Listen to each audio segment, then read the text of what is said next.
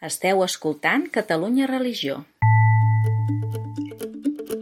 Som dijous 1 de desembre de 2022 i esteu escoltant la rebotiga de Catalunya Religió, aquest espai de tertúlia i comentari de l'actualitat amb els periodistes i col·laboradors de la nostra redacció. Saludem avui en Jordi Llisterri, Roger Vilaclara. Com anem? Eduard. Avui rebotiga petit comitè, eh? Sí, ens hem quedat Sí. eh, molt casolà, sí.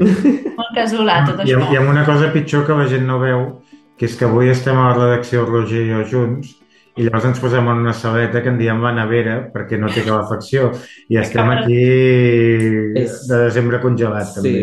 és literalment la nevera. Avui, Una nevera d'estètica, sí, blanquinosa, amb una mena de llum que us va fent així un flash No, però sí, però el, el pitjor del tema és el fred que fa aquí.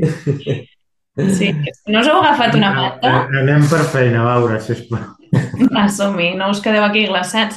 Setmana d'actualitat, com sempre, no falten, no falten temes per comentar. Potser el més destacat i, i que també hem cobert així de forma més especial ha estat aquest fòrum internacional multireligiós que s'ha celebrat a Manresa, uh, un dels actes en el marc dels 500 anys de l'estada de Sant Ignasi en aquesta ciutat, uh, un acte central organitzat per l'Ajuntament uh, no? I, i amb moltes altres organitzacions, en aquest cas amb, amb Religions for Peace, que és una organització internacional de diàleg interreligiós, que té la seu a Nova York i que acull no? I amb, amb d'altres organitzacions nacionals d'arreu del món. I vaja, que hi ha hagut tot de personatges rellevants a Manresa. A Roger sortíem amb aquest titular que han adoptat un compromís no? a favor del, del canvi climàtic. Um, exactament com ha anat la, aquesta celebració, cluenda, hi ha tot un Mm. treball darrere, no? Sí, exacte. O sigui, la notícia al final avui era que hi havia hagut aquesta signatura de, del pacte que li diuen el Pacte Manresa 2022, que és un pacte que al final conclou tot aquest fòrum que, que ara comentaves tu, Laura, que s'ha organitzat durant aquests quatre dies. És un pacte per lluitar contra el canvi climàtic i en què les religions doncs, també em, s'hi comprometen, no? i també en aquest cas l'Ajuntament de Manresa. I, I una mica jo de l'acte d'ahir, sobretot, sortia una mica, o sigui, es refermava molt, durant l'acte es va repetir molt la idea no, de que no era un acte qualsevol o que no era un pacte més de, dels que es fan, no? I, i sortia com una mica amb aquesta idea. L'Atza Karam, que és la secretària general de Religions for Peace, mm, ho va remarcar moltíssim no? I, va, i em quedava també com amb aquestes tres diferències que ella deia de, d'aquest fòrum i, i d'aquest pacte, que deia que al final era una trobada de líders religiosos, però que era una trobada eh, que, que, que s'organitzava amb la commemoració d'un sant, per celebrar la commemoració d'un sant. També, també posava especial èmfasi amb el tema de l'equilibri de, de de gènere i realment és cert que en tots els moments del fòrum, eh, doncs en la roda de premsa o quan es llegia el pacte, etc, sempre hi havia equilibri de gènere i l'Atzacaram també ho va dir que això s'havia fet també en la redacció del pacte i en l'organització d'aquest fòrum. Mhm. I, I finalment també és com que posava l'èmfasi també en que era un, un, un acte que, que celebrava algo que ja havia començat, diguéssim, que no era una cosa de, bueno, anem a, anem a veure el que farem, sinó que ja hi ha moltes d'aquestes accions que s'han posat, que s'han dut a terme, que s'han començat a treballar, moltes accions pel canvi climàtic que, que ja estan en marxa, no? I, i també destaco, i penso que en l'article ho he intentat reflectir així també, que es va posar molt l'accent en els joves, no? en, en que al Mhm. final era un pacte que per primera vegada Religions for Peace s'havia comptat amb la participació dels joves, s'havien assegut joves a dir la seva, a opinar, a proposar idees i que i una mica com aquest també era l'objectiu del pacte, o sigui que amb això també m'hi quedava. Mhm. Hi ha el títol d'aquest fòrum que no sé si l'hem arribat a dir que és Cruïlla de Camins, que també parla una mica doncs, que al final és el punt de trobada, no? Les religions que cadascuna pot estar fent el seu itinerari, però hi ha un moment no, en què coincideixen no? i acostumen a coincidir en el treball a favor de la pau, no? i una pau que a dia d'avui no es pot entendre si no fas una mica d'incidència en, en la qüestió climàtica, de, de migracions, etc. no? tot de, de treballs a favor de la justícia, entenc. Um, part d'aquesta feina, dèiem, aquesta ha estat una trobada Uh, aquesta ha estat una trobada, però també n'hi ha hagut d'altres, no? I, I durant el 2022 diu que n'hi ha hagut fins a 25. Mm. Sí, posaven, posava això, l'Atza deia això que, que bueno, una mica el que, el que ens pot passar quan llegim, quan algú llegeix aquest article, que és això el que deia a l'inici, no? de que potser bueno, és una trobada més o és un pacte més, que en certa manera ho pot semblar, però ells posaven molt el, el focus en això. També és cert que a mi també destaco un altre tema, que això eh, ho va destacar el Marc Eloi, l'alcalde de Manresa, no? que al final deia, o sigui, el pacte és eh, per lluitar contra el canvi climàtic, però amb la perspectiva de, de les religions del món, no? I, I ell deia que és un destacat de l'article que el 80% de la població professa una religió i que, per tant, doncs, les religions tenien molt a dir i per això, doncs, també s'havia impulsat aquest pacte i també com l'Ajuntament de Manresa havia impulsat aquest pacte amb, amb les religions, vaja. Mm -hmm. I una mica això també penso que, que era interessant. Jo no, no amagaré el meu escepticisme general sobre aquest tipus de documents i trobades. Eh, malauradament en aquesta, la veritat, no, hi he, no hi he pogut anar, però mm, a Catalunya, per sort, tenim una tradició més enllà del, del propi diàleg interreligiós que hem promogut i promouen diverses entitats des de fa molts anys. També hi ha hagut trobades internacionals significatives, la més coneguda per tothom al Parlament de les Religions, però també hi va haver altres manifestos, recordo un que es va signar allà al, allà al Port de Barcelona. Vull dir que no, no és la primera vegada que veus, diguem, aquesta foto, aquesta fotografia, i tampoc és la primera vegada que veus uns continguts on bàsicament tots hi podem estar d'acord. Difícilment trobaries algú que et critiqués el que, el que es proposa en aquest document. Però també és veritat, i, i manifestat aquest escepticisme, que al final doncs, el camí es fa caminant i, i també he vist que, o per exemple això, quan si segueixes una mica, per exemple, el món diplomàtic o cimeres aquestes, després arriben a conclusions que dius, escolta, per això no? hi ha quatre tancats en una sala o haguéssim resolt en 10 minuts i no calia tanta cimera i tant d'allò. Però, d'una banda, el que et destaquen molt quan es mou, parlo des del món de l'àmbit més diplomàtic, no? Es diu, dir, no, no, però m'ha arribat aquest consens on no diu el contrari del que volem, és a dir, dius, home, el que diu és una obvietat. Dius, sí, però és que si no diem això, estàs dient el contrari, exagerant-ho, no? Diu, tots ens hem de posar més d'acord per tenir no sé què. Sí, però és que si no diem això vol dir que tots anirem a la contra a fer no sé què. Aquí, evidentment, no hi ha diplomàcia, sinó que hi ha espiritualitat, però aquests consensos que poden, diguem, semblar aparentment fluixos o, o més que fluixos, eh, obvis, mm, que hi hagi gent que en diverses plataformes i experiències trobin, els treballin, els comparteixin, els digereixin, els, després els, amb la mesura del possible els portin a les seves comunitats també en, aquest, en aquesta trobada estic segur que hi havia gent amb més pes i representativitat institucional i que per tant pot tenir més capacitat d'incidir en això i gent que potser doncs, tenia una representació més, més limitada. Però sigui un escenari o l'altre, al final és anar sembrant i aquests documents que això que d'entrada ens pot semblar que tampoc porten gaire en lloc, mmm, punt 1, que no hi fossin seria pitjor, perquè vol dir que o no avancem o no aniríem cap enrere i en tot cas tot el que es mou al voltant d'aquest tipus de documents és el que sí realment jo crec que es favoreix més això que no pas la lletra escrita o l'acte diguem més o menys eh, vistós eh, gràficament que puguem veure de, de trobada. Mm -hmm.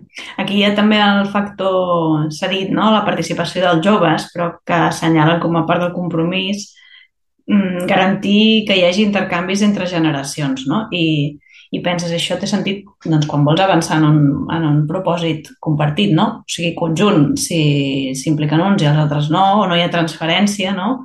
O no hi ha un moment en què et trobes i, i comparteixes visió, és complicat que s'acabin realitzant coses. Poso un exemple pràctic. Recordo una comunitat religiosa, um, monàstica més concretament, un, un monjo que va entrar força jove amb doncs, una visió concreta sobre l'alimentació, sobre com la gestió dels residus, no?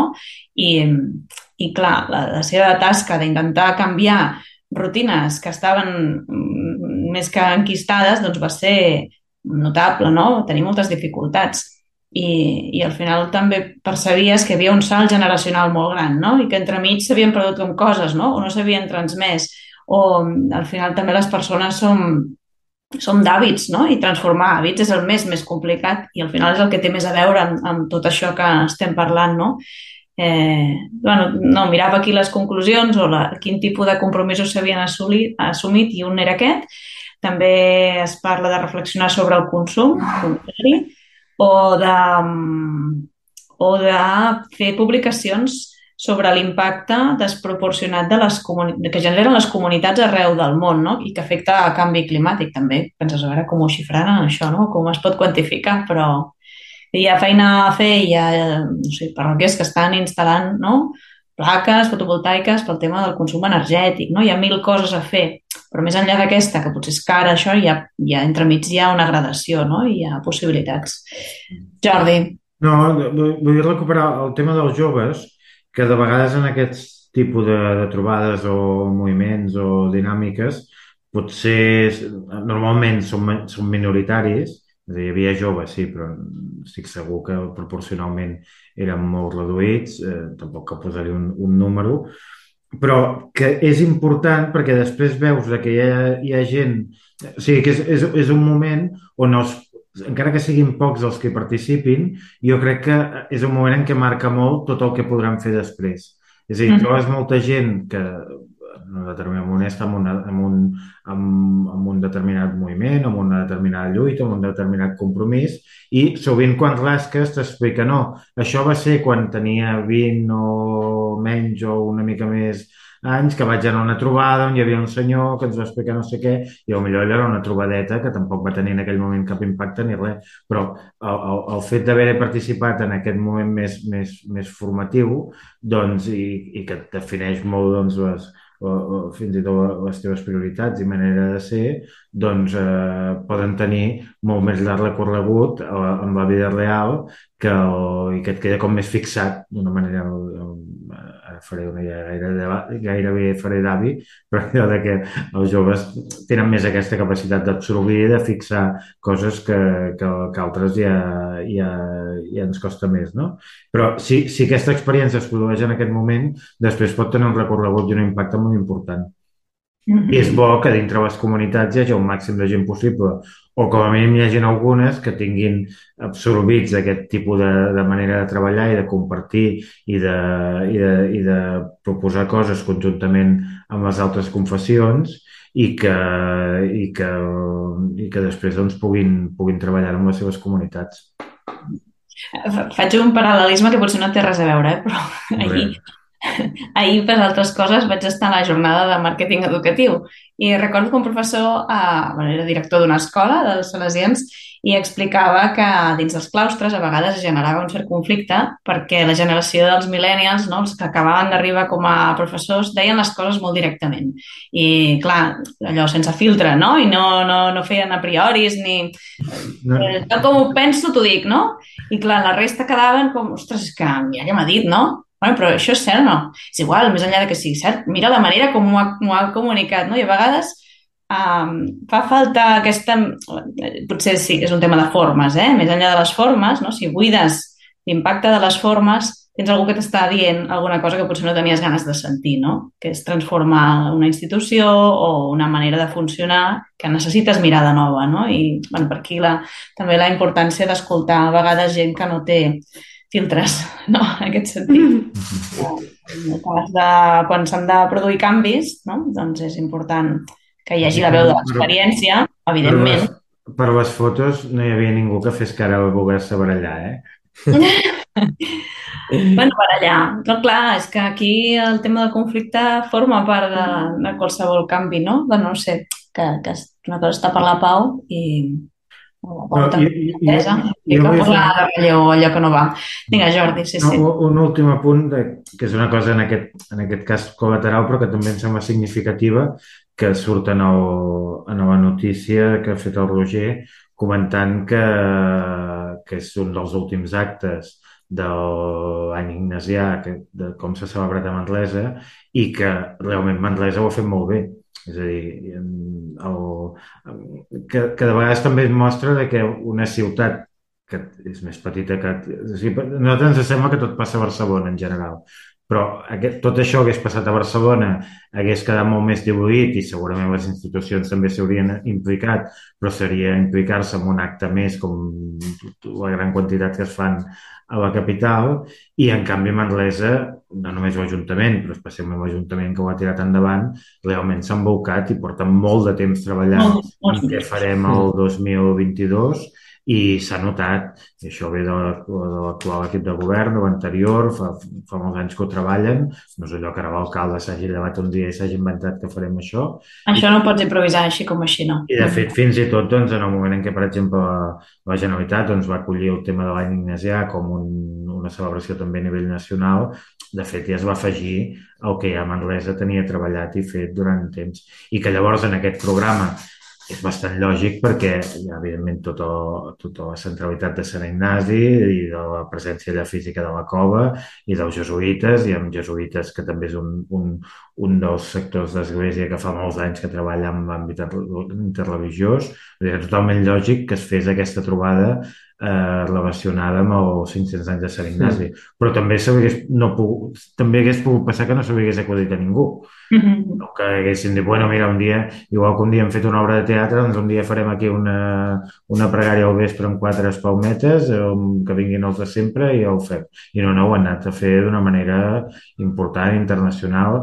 Eh, Jo entenc també la voluntat de, de situar Manresa en el mapa internacional, cosa que és difícil per una ciutat com Manresa, però això també és un pas en aquesta direcció. Sí, jo això també ho vaig pensar durant l'acte que, que ja sé que Sant Ignasi és molt conegut arreu del món, etc, però vull dir, jo almenys, doncs, o sigui, el, o sigui, en sents i n'hem sentit a parlar durant l'últim any moltíssim, però que al final era això, que l'acte també era una manera de, de portar la figura de Sant Ignasi com a moltes religions del món, perquè al final ells deien que hi havien participat 50 líders eh, religiosos del món de 30 països diferents i que al final l'acte que vam anar a cobrir ahir era l'acte de clausura, però a, a, els participants, per exemple, a l'inici del, del fòrum van començar fent un pelegrin, el pelegrinatge, l'etapa final del pelegrinatge de, de Sant Ignasi, van anar a la cova, vull dir que també hi ha hagut com tota aquesta part de, de bueno, d'això que comentaves ara tu, Jordi, de, de conèixer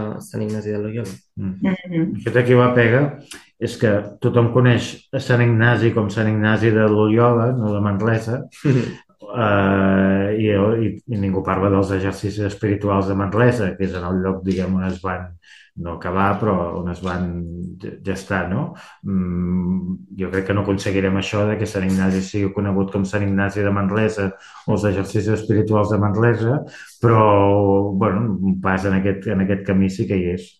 Ja, ja fa temps també que la Companyia de Jesús ha fet una aposta perquè la cova sigui internacional, no? Aquesta, dir, un centre d'espiritualitat internacional amb relleu, amb... s'hi fan moltes estades de, no? de, a nivell d'ordre i, vaja, sí que és lloc de pas, no? Molt ignasià.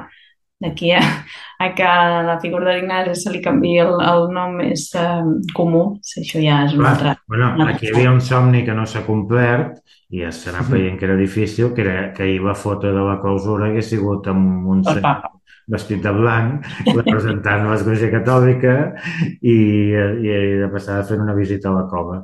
Mm, bueno, pot venir un altre any, eh? també serà benvingut, no va coincidir ahir amb, amb, amb aquesta trobada de líders interreligiosos, líders religiosos mundials, però serà benvingut en qualsevol altre moment. Tu segueix predicant, Jordi, a veure quan Uf. arriba aquest moment. Molt bé, escolta, us Perdona, sembla... ah, mira, li vaig dir jo a una Sí, de les sí. audiències d'aquestes generals, eh? No us penseu que era una cosa privada. Li vaig Però- dir, no? Sí, sí. Esperamos, esperamos en Manresa. Hi havia molt poca gent i allò que va passar per allà i tothom diu, viva el papa, no sé què, i jo, jo dic, esperamos en Manresa. per dir alguna cosa, no? Molt bé, molt bé. Una Jo ho vaig intentar, no sé si em va sentir, però sempre va somriure i ja està. Escolteu, uh, Ah, doncs, el molt PSOE aquí, com sempre, no em Manresa. aquests catalans que pesats que són. Uh, Roger, ens ajudes a fer una ullada aquí en els articles més llegits de la setmana i ens situem a la, amb l'actualitat.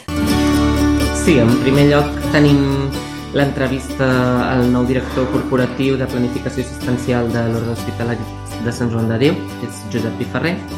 En segon lloc hi tenim l'entrevista a Carlos Gómez, vicari general de la Salle. En tercer lloc hi tenim la notícia que l'Església Evangèlica de Betlem de Barcelona celebrava 150 anys. En quart lloc hi tenim una notícia del recull de premsa titulada El preu d'ajudar als pobres, el pare Joan abandona Valls. I en cinquè lloc hi tenim la notícia de, del guanyador de, de la crònica de l'entrega de premis de la mostra cinema espiritual que va anar a Imanol Uribe. Uh -huh. Uh, comencem pel top, diguéssim, aquesta entrevista a en Josep Piferrer, Sí, el que és que ens falta, avui és quan trobem a faltar la la Glòria, Glòria... que feliçment fent de mare, i ens va deixar aquesta entrevista feta, però avui no ens la pot comentar. Doncs l'haurem de comentar nosaltres per ella. Sí. No, i a més ens ho va dir, que, que el, ara no recordo exactament en quines paraules, eh, però que vivia... Mira, de vegades hi ha entrevistes que fas i bé, però que aquesta, a més, diguem, la va disfrutar i Mm. va trobar-la dirà d'aquest, del, del que explica un personatge interessantíssim i, i, i una persona amb qui, amb qui després, bueno, allò que ens passa amb alguns entrevistats amb qui després diria, eh, no podríem anar a dinar? I jo, no podria, no ens podríem quedar, quedar un eh? altre dia i continuar parlant? Sí, hi ha aquest, sí, sí, aquests perfils que més que anar amb una bateria de preguntes no entres en una dinàmica de conversa que, que voldries que no s'acabés mai. Uh, en aquest cas estem parlant doncs, d'un metge, uh, especialista en psiquiatria, llicenciat en psicologia, graduat en filosofia, màster en bioètica, dret, una formació força excepcional. Com els que estem aquí. Sí, igual, igual que tots nosaltres, mm, i, i que respon, és a dir, el càrrec eh, s'ha buscat aquesta figura nova dins de la, de la província de Sant Joan de Déu per, entenc que per no, buscar, seguir tota una línia i, un, i una mateixa cultura de, més corporativa, no? diu director corporatiu, en, en l'àmbit de l'assistència. No? i bueno, una mica tesi de l'entrevista, no? coses que va repetint, sempre ho hem, ho hem vist eh, dins del que és el carisma de Sant Joan de Déu, no? però que un no pot atendre un pacient anant a solucionar la malaltia, no? sinó que el que ha de fer doncs, és acompanyar la persona íntegrament en, en, en totes les seves dimensions, no? i sense oblidar-ne cap, entre les quals també la dimensió espiritual i religiosa. Eh, no sé, coses que us hagin cridat l'atenció de, de la persona, algú que també té tot un itinerari de compromís cristià bastant considerable, no? Veig que havia estat a Minyons, ha passat pel moviment universitari d'estudiants cristians, el de professionals catòlics, mm, bueno, ha estat també dins de la pastoral de la salut, de professionals sanitaris cristians, és a dir, Um, bueno, una mica deixeble també d'un Ramon Prat, d'un Joan Vinyes, són noms que diuen coses, no? És que eh, anava a destacar això, que quan llegia i veig que com a referent citava aquests dos noms, que, que la gent que potser no és molt tant en aquest entorn potser li costarà entendre-ho, eh? però quan has vist que els referents són el Ramon Prat i el Joan Vinyes, dius, clar, ja està. No, Mhm. aquest- allò- això no podia anar malament de cap manera si, si ell realment ha, eh, ha, ha tingut aquest contacte amb aquestes dues persones que són, tornem al, al tema d'abans, són persones que et marquen per tota la vida. I, i, i una mica, quan tu deies el resum, eh, que és aquest, a veure, els metges no només han de curar, els metges han de curar, però també han d'atendre les persones. I al final jo, mm, i això ens ho explicaria molt millor la Glòria que va fer l'entrevista, però al final jo la idea que en trec és que com a institució es tenir una persona que sobretot vetlli perquè això passi en els centres sanitaris de Sant Joan de Déu, que evidentment, i Sant Joan de Déu, ho sabeu, en l'àmbit pediàtric i en l'àmbit de la salut mental, tenen, diguem, un, una, un nivell científic i de recerca eh, espectacular. De fet, és molt poc conegut que una vegada ens vam fer una visita al que és el, pròpiament el centre de recerca. Tots coneixem l'hospital perquè és on ens atenen i el centre de recerca queda més amagat, però Sant Joan de Déu està invertint molt en això. Doncs que, més enllà d'aquesta part, diguem, més tècnico-científica, que evidentment ha de ser puntera i de primera qualitat, que en el centre es posi com s'atén i com, i com es, es, es cuida, mai més ben dit, el, malalt. Mm -hmm.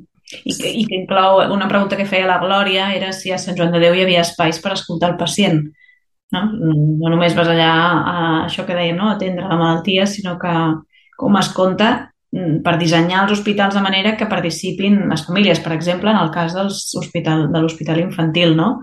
Um, coses que ara serien impensables, no? com deixar que un nen es quedi sol en una habitació, doncs, bueno, que aquí hi ha una transformació no? a favor d'una millora qualitativa molt, molt gran, no? I... Que, que per exemple, perdona, Laura, en els, sí. en els temes pediàtrics van ser dels primers en fer reformes perquè els espais estiguessin pensats pels, pels nens, no, sí, no, no pels metges no? o, per, o mm -hmm. pels llits. Mm -hmm. Sí, no, ah. destaco, o sigui, bueno, no afegiré res massa de nou, eh, però això... Afegeix, afegeix, Roger, afegeix.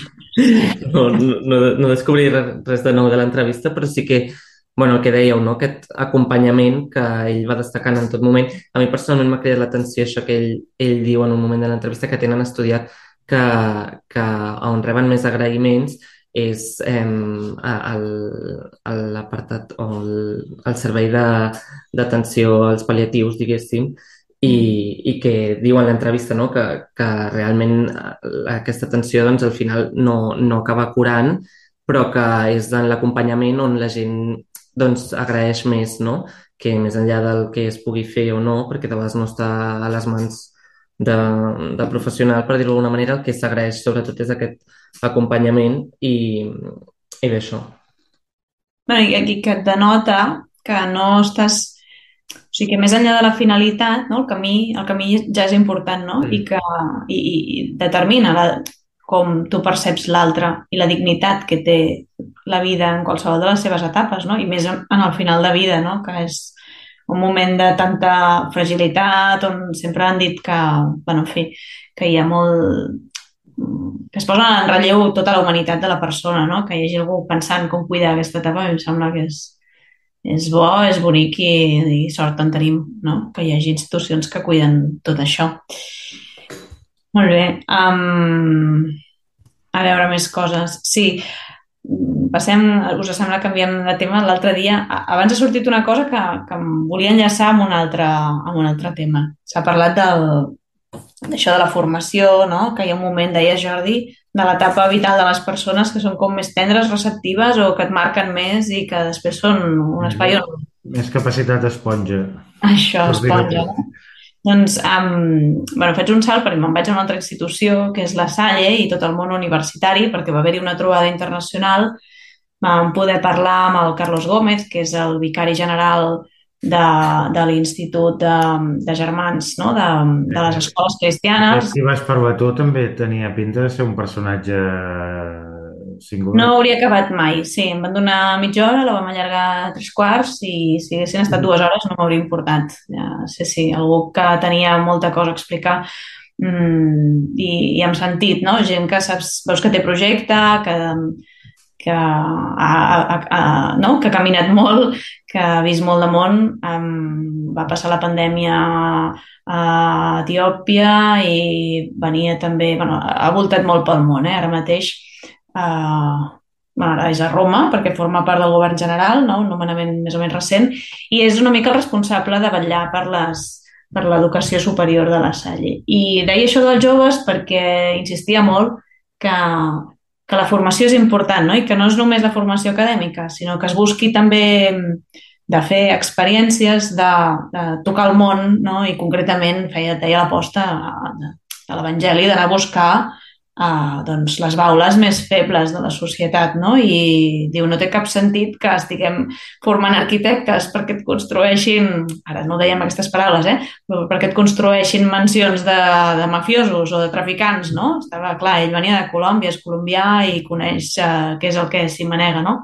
Diu, hi ha manera d'ensenyar que es poden fer eh, que es poden construir habitatges, dissenyar-los i pensar-los en contextos doncs, de, de, de menys recursos econòmics i que igualment garanteixin una bellesa no? per les persones i que allò sigui espai per tenir esperança, etc. No? Bueno, em va semblar molt positiu, em va semblar realista i pràctic alhora, és a dir, va anar coses concretes, coses que havien fet, una universitat, per exemple, que en deien Utopia, on formaven gent que venia del món rural, en contextos que ell també descrivia de, bueno, clar, de, de manca d'oportunitats, perquè tens gent molt ben promocionada, gent amb vincles, no? I gent amb amistats, ja ho sabem, com funciona el món, i contactes i d'allò, no? I que van, van sembrant oportunitats i després tens gent doncs, que ve d'altres contextos i, i sense totes aquestes relacions, no? Perquè, de, de fet, tu bé vas plantejar obertament el tema de l'etiqueta de les universitats catòliques Elit. privades com a, com a elitistes. Elitistes, sí. Va dir que de cap de les maneres, que evidentment tenen a, a tota ràbia de tot, però que no és aquesta la seva visió i que donen accés a, a, a tothom, a tothom, no? O sigui sistema de beques o, o en aquest cas, en projectes concretament ja pensats per, per formar gent que ve de contextos eh, empobrits i que puguin retornar al seu lloc d'origen a transformar aquesta, aquests contextos, no? Que això és, és molt delicat, però que acabi passant, que ho aconsegueixin, és, jo crec que això ja, eh, no sé, transforma, no? És, és, és, és bonic. Hi ha, hi ha un altre tema, Laura, que, que m'ha interessat de l'entrevista, que, és, que, ell, que ell diu de passada, però que per mi és un tema molt important, quan parla de la col·laboració, la col·laboració amb els maristes.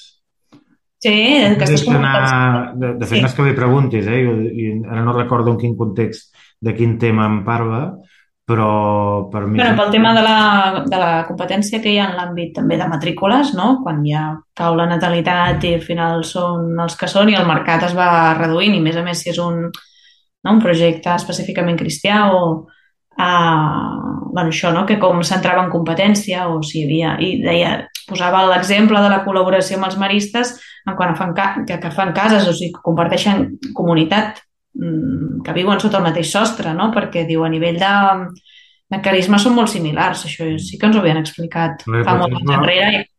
Potser es pot recordar per la gent que no ho té present que Maristes i la Salle són congregacions religioses de germans és a dir, que no, no, són, no són capellans, eh? són germans, és a dir, fet, fet els, els vots per pertany a la, a la comunitat religiosa, però no són capellans ordenats, per, per dir-ho d'una manera ben simple, no, no fan missa.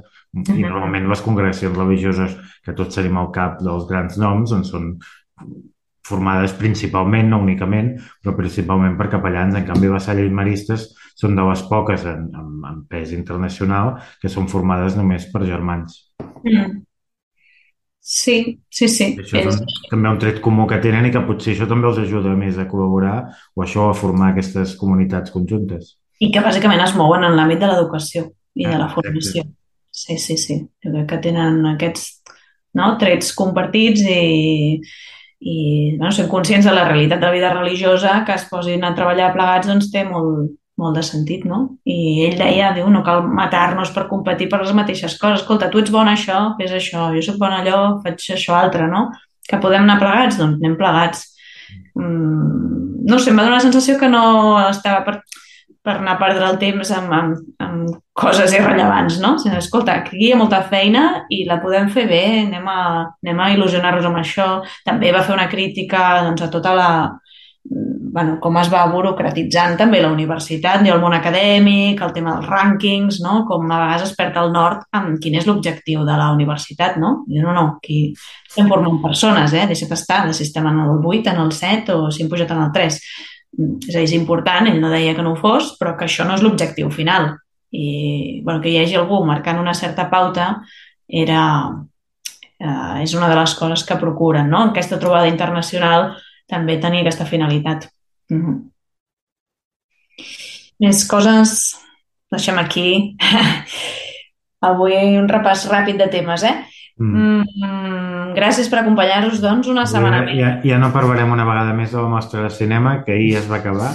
Ah, sí, cert, hi ha lliurament de premis, ja està tothom premiat. No sé, ahir, i, i ahir es va tancar a Manresa. També a Manresa, de fet a Manresa van tenir el dia ple, perquè al matí clausuraven el Congrés Cruïlla de Camins i a la tarda clausuraven la mostra, precisament amb la projecció de la pel·lícula de Boribe, que és qui va guanyar el premi d'aquest any de la mostra, pel·lícula sobre els jesuïtes del Salvador assassinats, etc. O sigui, tot un dia ahir molt, molt ben arrodonit. Jo vull preguntar-li al Roger una cosa, que és que tu, Roger, t'ha tocat anar a veure pel·lis, perquè estaves, A mi, no? Sí, a mi m'ha tocat anar a veure pel·lis. Quines, quines, de totes les que has vist, quina t'ha agradat més? Ja t'ho dic jo abans que ho digui ell. Digue-ho tu, Jordi. No, no, va quedar molt impactat per silenci. Ah, sí, déu nhi eh? És una, un tros de pel·lícula, eh? Sí, vaig, vaig, és impactant. No m'esperava que fos tan impactant, realment. Però... Ai, ai. Ai, ai, que tenim aquí una conversió. Ai, ai. No, no, No no, t'ha no, no, no, no, no, d'aquest nivell Has no alguna m'ha decisió impactat. sobre la teva vida. No, no, no, no em va fer plantejar aquest nivell de vida, diguéssim. Doncs necessites una conversa amb un jesuïta o... Ai, Déu meu. Bueno, en fi, Bueno, no, no. La quota jesuïta d'avui ja està... Ultra mega superada, sí, sí. Res, doncs eh, ens, quedem, ens quedem amb això que hem, tot, hi ha hagut la cloenda de la mostra. Ah, una idea, això sí que apunto, perquè a vegades la gent pregunta, aquest No ja. No, no hem acabat. Un, un apunt final. Aquest catàleg fred, Laura. de, de les pel·lis, que on hi eren totes, jo crec que està bé guardar-lo per quan no saps què mirar. I mira, doncs ja podem anar per aquí, no? Com a idea, potser no es poden veure ara totes, però en algun moment de repescar-ne alguna. Res, Ah, gràcies per acompanyar-nos una setmana més a la rebotiga. Gràcies, Jordi Llisterri, Roger Vilaclara. S'acomiada també una servidora, Laura Mort. Fins aviat. A veure...